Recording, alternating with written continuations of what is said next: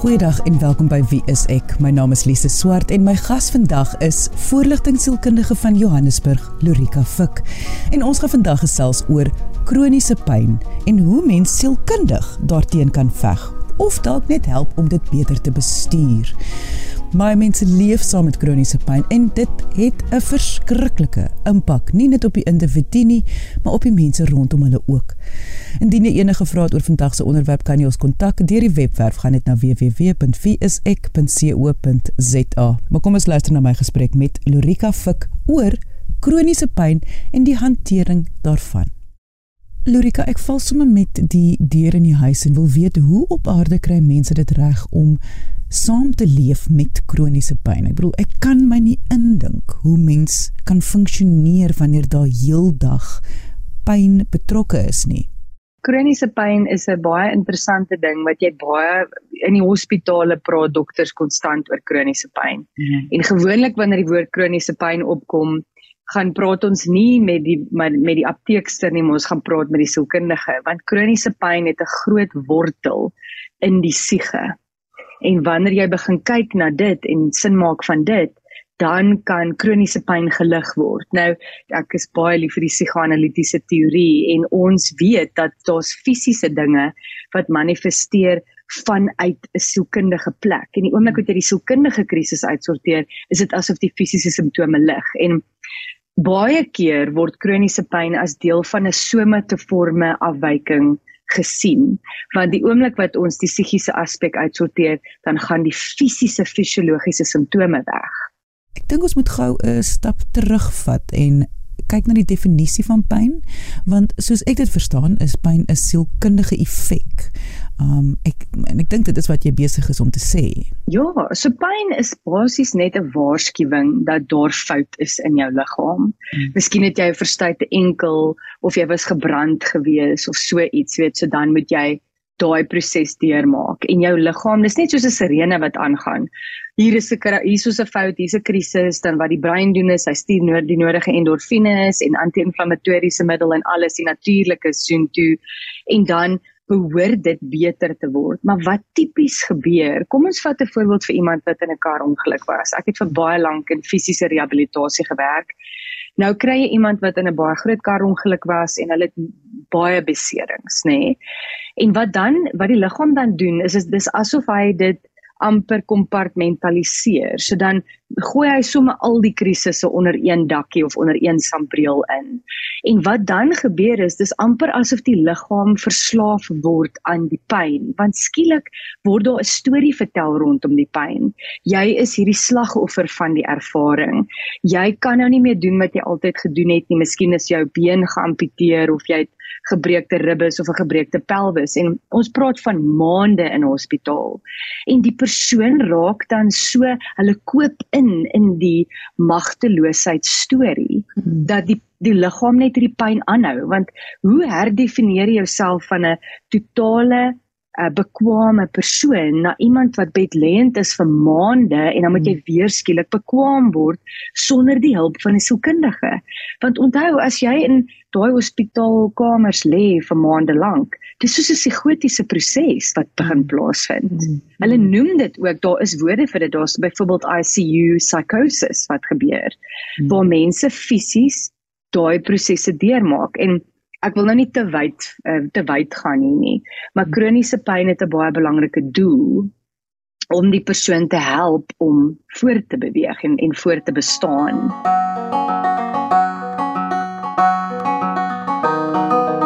Hierdie gesprek is weer eens 'n goeie voorbeeld vir my van hoe ons lyf en ons brein een is. Ons is baie lief om die twee van mekaar te skei. Die brein en lyf is een. So pyn is die brein se manier om 'n boodskap aan jou te stuur. Ja. Jy weet, pyn is biologies, sielkundig, dit is emosioneel, dis fisiologies en wat byvoorbeeld met kroniese pyn gebeur? Want kyk, die liggaam kan vir 'n tydperk dit uh tolerate of daarmee, mm -hmm. jy weet, daarvan sin maak. Mm. Maar dan wat naderhand gebeur as die pyn die norm is en jy inkoop in die magteloosheid narratief of storie, dan begin daar gevoelens soos woede, hopeloosheid, hartseer Jy mm. weet daai mm. daai tawe mm. tawe emosies begin dan kop uitsteek want dan begin jy voel maar gaan ek ooit hier uitkom? Gaan ek ooit beter word? Gaan ek ooit weer in 'n hakskoen saam met my man kan dans? Jy weet, dan begin al daai stories in jou kop afspeel en hmm. dis wanneer ons met kroniese pyn te doen het en dit is nie net gewone pyn dan nie. En jy weet jy sien dit so baie in pasiënte wat byvoorbeeld 'n rugprobleem ontwikkel, hmm. nê? Nee?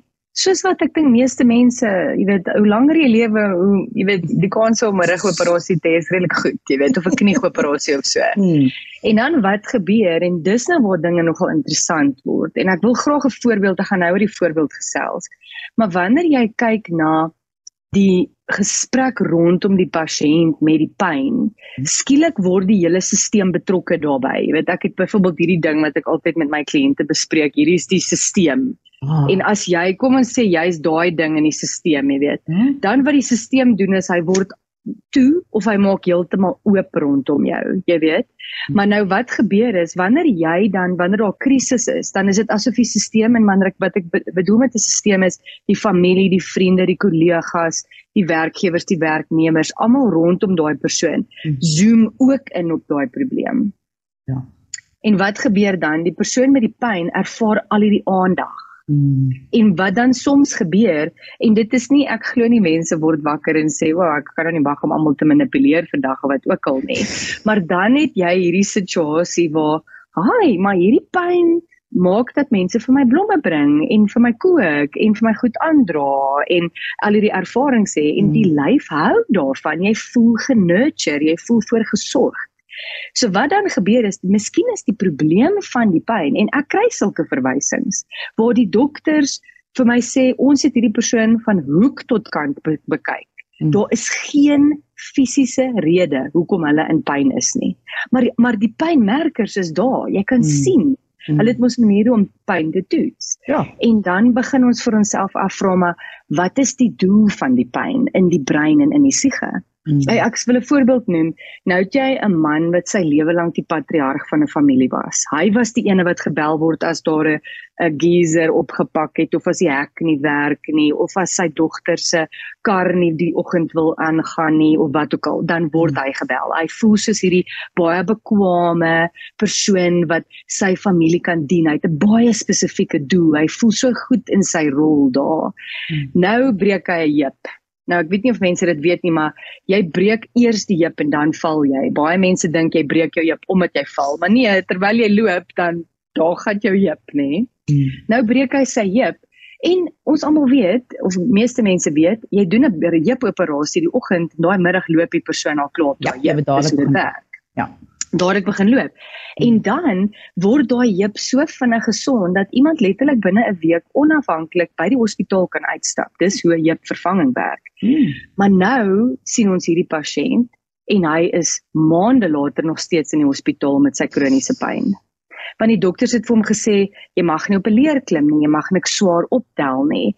En dan kom jy agter, maar wag 'n bietjie. Hierdie pyn speel 'n sielkundige rol want Nou is dit nie omdat hy as mens nie meer die vaardigheid het om byvoorbeeld by leere op te klim of bome af te saag of pype neer te lê of goed nie. Dis die pyn se skuld. Met ander woorde, die pasiënt, die persoon se identiteit bly behoue. Dan dien die pyn 'n baie spesifieke doel want nou het hy 'n verskoning om nie daai belangrike rol in die familie aan te pak nie. En dit is hoekom kroniese pyn so sielkundig ge gewortel is as ek dit so kan stel. Lorika, kan ons gesels oor in die oomblik wanneer 'n persoon pyn ervaar. Hoe sou jy voorstel kan 'n persoon dit sielkundig veg?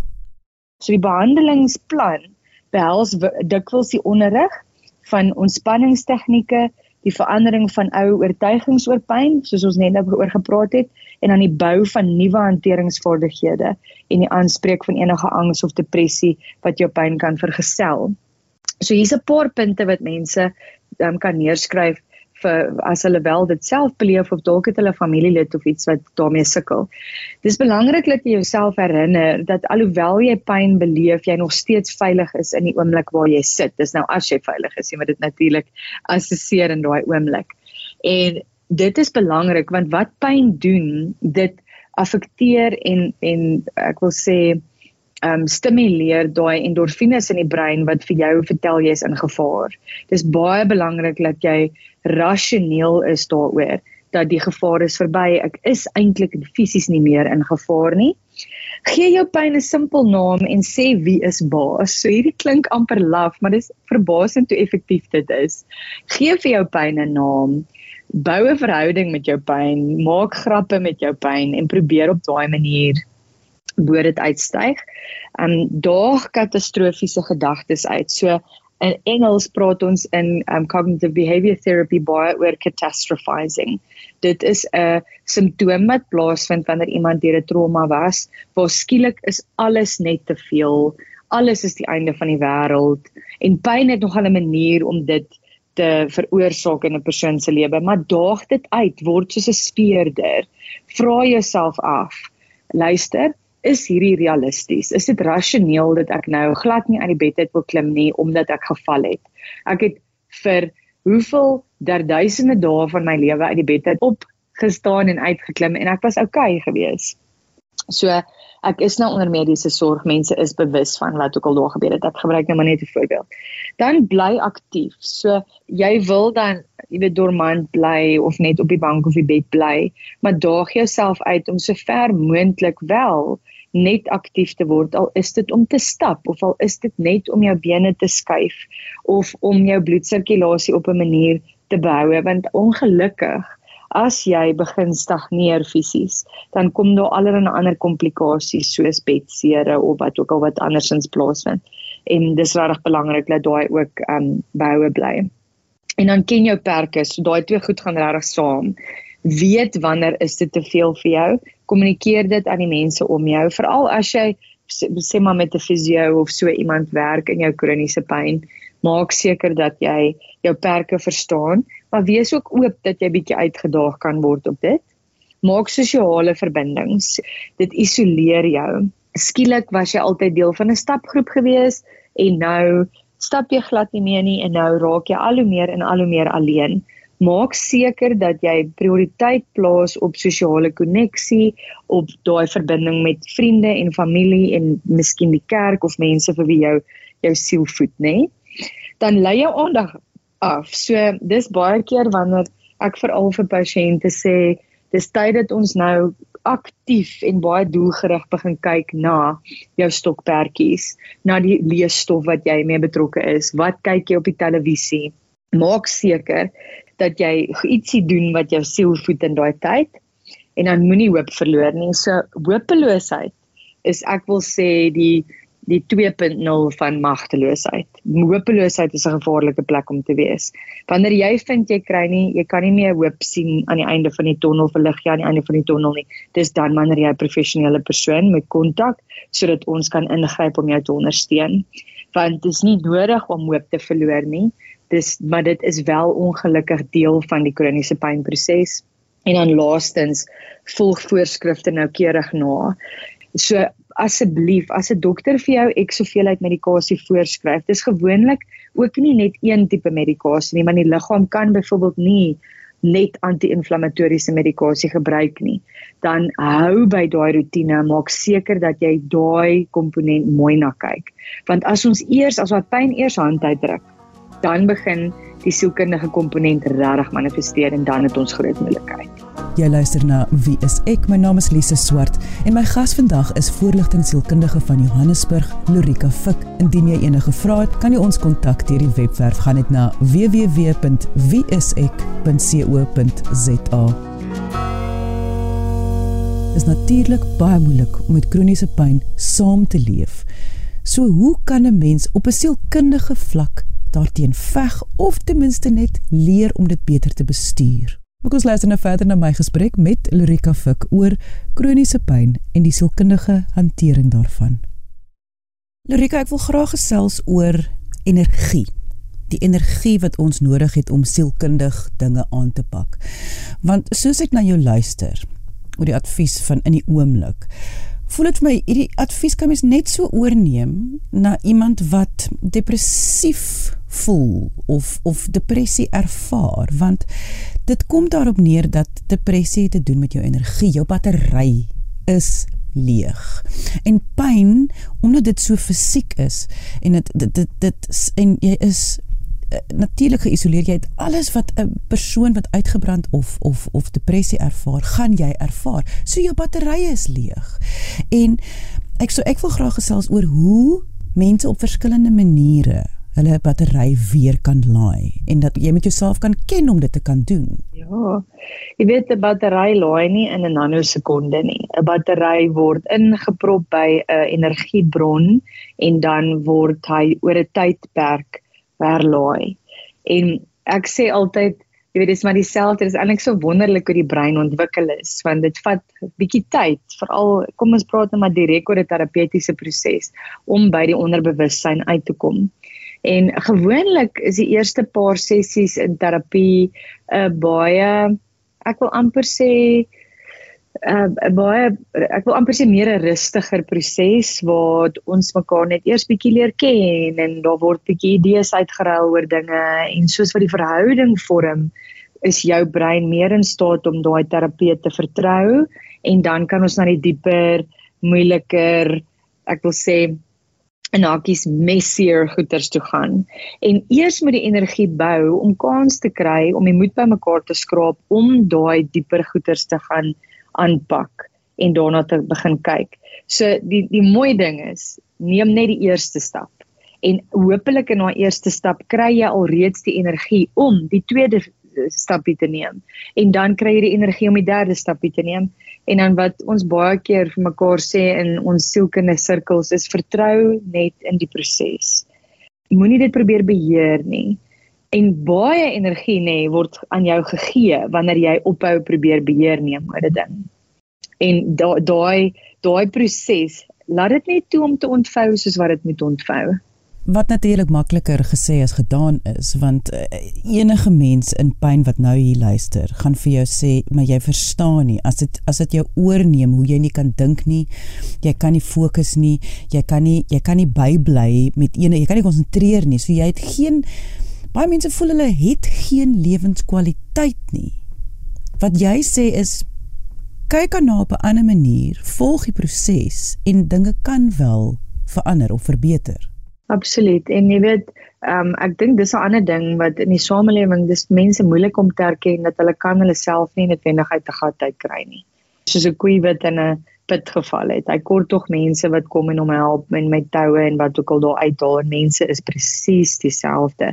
So jou jou eintlik en jou die enigste stap is net om uit te reik na iemand toe wat jou kan ondersteun of dit 'n dokter of 'n sielkundige of iemand in jou gemeenskap is wat jy kan vertrou, wat jy weet net daai tou vir jou kan ingooi en sê hoorie, ek staan nie buite tot jy uit is. Ek gaan jou aanspreeklik hou. Ek gaan die nodige vrae vra. Ek gaan sê waar moet jou volgende stappie kom? Jy weet waar moet jy jou jouself hierso uitlig? Hoe gaan ons dit doen? En saam met jou werk. Jy hoef dit nie alleen te doen nie, want dis presies wat jy net nou genoem het mense met kroniese pyn voel hulle is die enigste mense in die wêreld wat hiermee sit. Niemand sal dit verstaan nie. Daar's miljoene mense in die wêreld wat sit met kroniese pyn. Daar's ondersteuningsgroepe vir mense met kroniese pyn. Daar is soveel navorsing al daaroor gedoen en kennis. Daar's spesifieke programme wat 'n mens kan volg om daarmee te werk en dan vat 'n mens dit van daar af.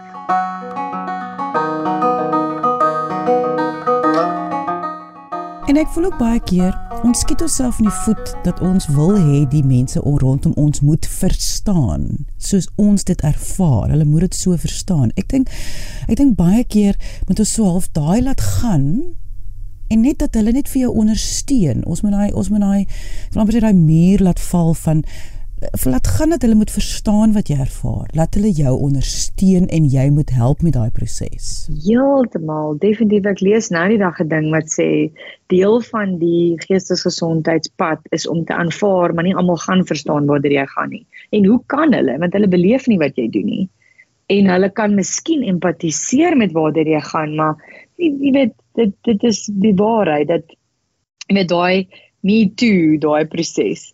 As jy in 'n kring sit en iemand sê, "Ja, maar ek voel ook so." Daai krag wat net in daai proses plaasvind is, ja, dis onbeskryflik. Jy kan dit nie in woorde eintlik vir iemand weet uitdruk nie.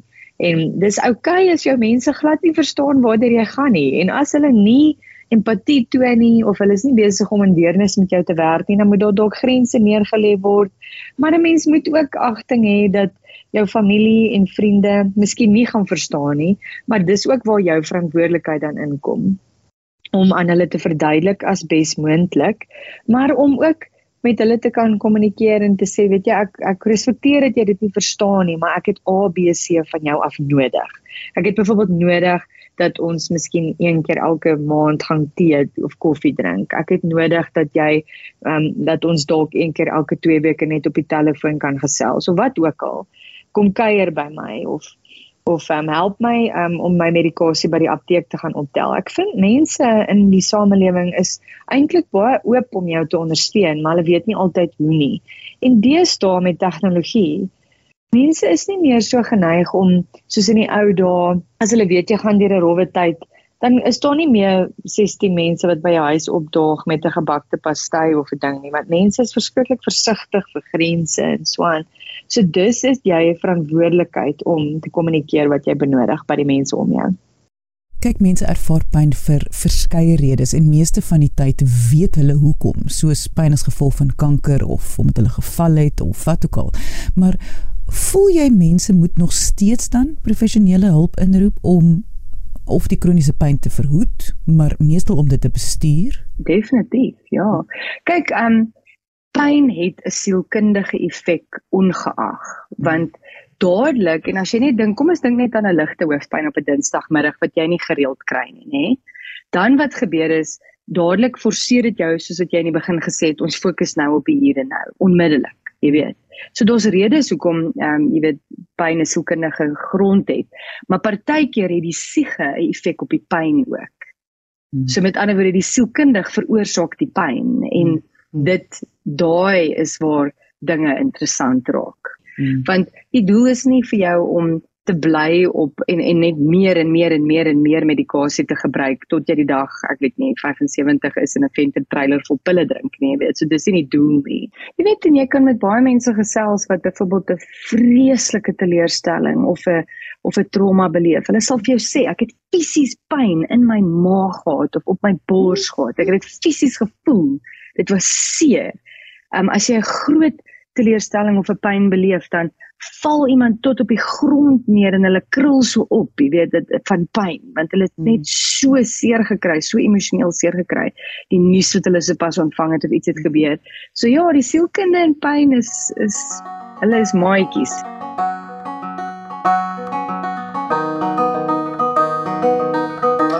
Lurika wat ek uit vandag se episode neem is soos eintlik maar altyd wanneer dit kom by sielkundige probleme. Die brein en die lyf is een en ons is nog almal geneig om dit te skei van mekaar. En dit voel vir my as jy iets soos kroniese pyn ervaar, kan mens nie net na die fisieke sy van die probleem kyk nie. Mens moet na die brein en jou gedagtes en jou ervarings en alles moet ook aangespreek word. En dalk waar kom hierdie pyn vandaan? Hoekom manifesteer hierdie pyn?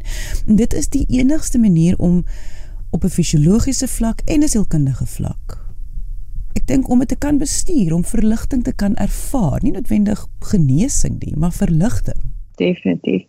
Ek weet baie mense probeer in ontkenning bly oor die pyn of die realiteit van die effek wat dit het op hulle lewens. En dis hoekom ons praat oor 'n holistiese uitkyk rondom dit. Wees eerlik met jouself oor die impak wat hierdie pyn op jou lewe het. Wees eerlik met jouself op hoe dit jou affekteer emosioneel, fisies, selfs spiritueel en wees ja, wees oop vir daai daai waarheid wat jy vir jouself kan vertel. En dit was voorligtingsielkundige van Johannesburg, Lorika Fik. Indien jy enige vrae het, kan jy ons kontak deur die webwerf gaan na www.wieisek.co.za of gaan kyk na die video-gesprekke op Wie is Ek se Facebookblad onder Wie is Ek SA. Dankie dat jy vandag ingeskakel het. Ons maak weer so volgende Vrydag 12:30 hier op RSG. Jy moet 'n heerlike naweek hê en onthou, kyk mooi na jouself.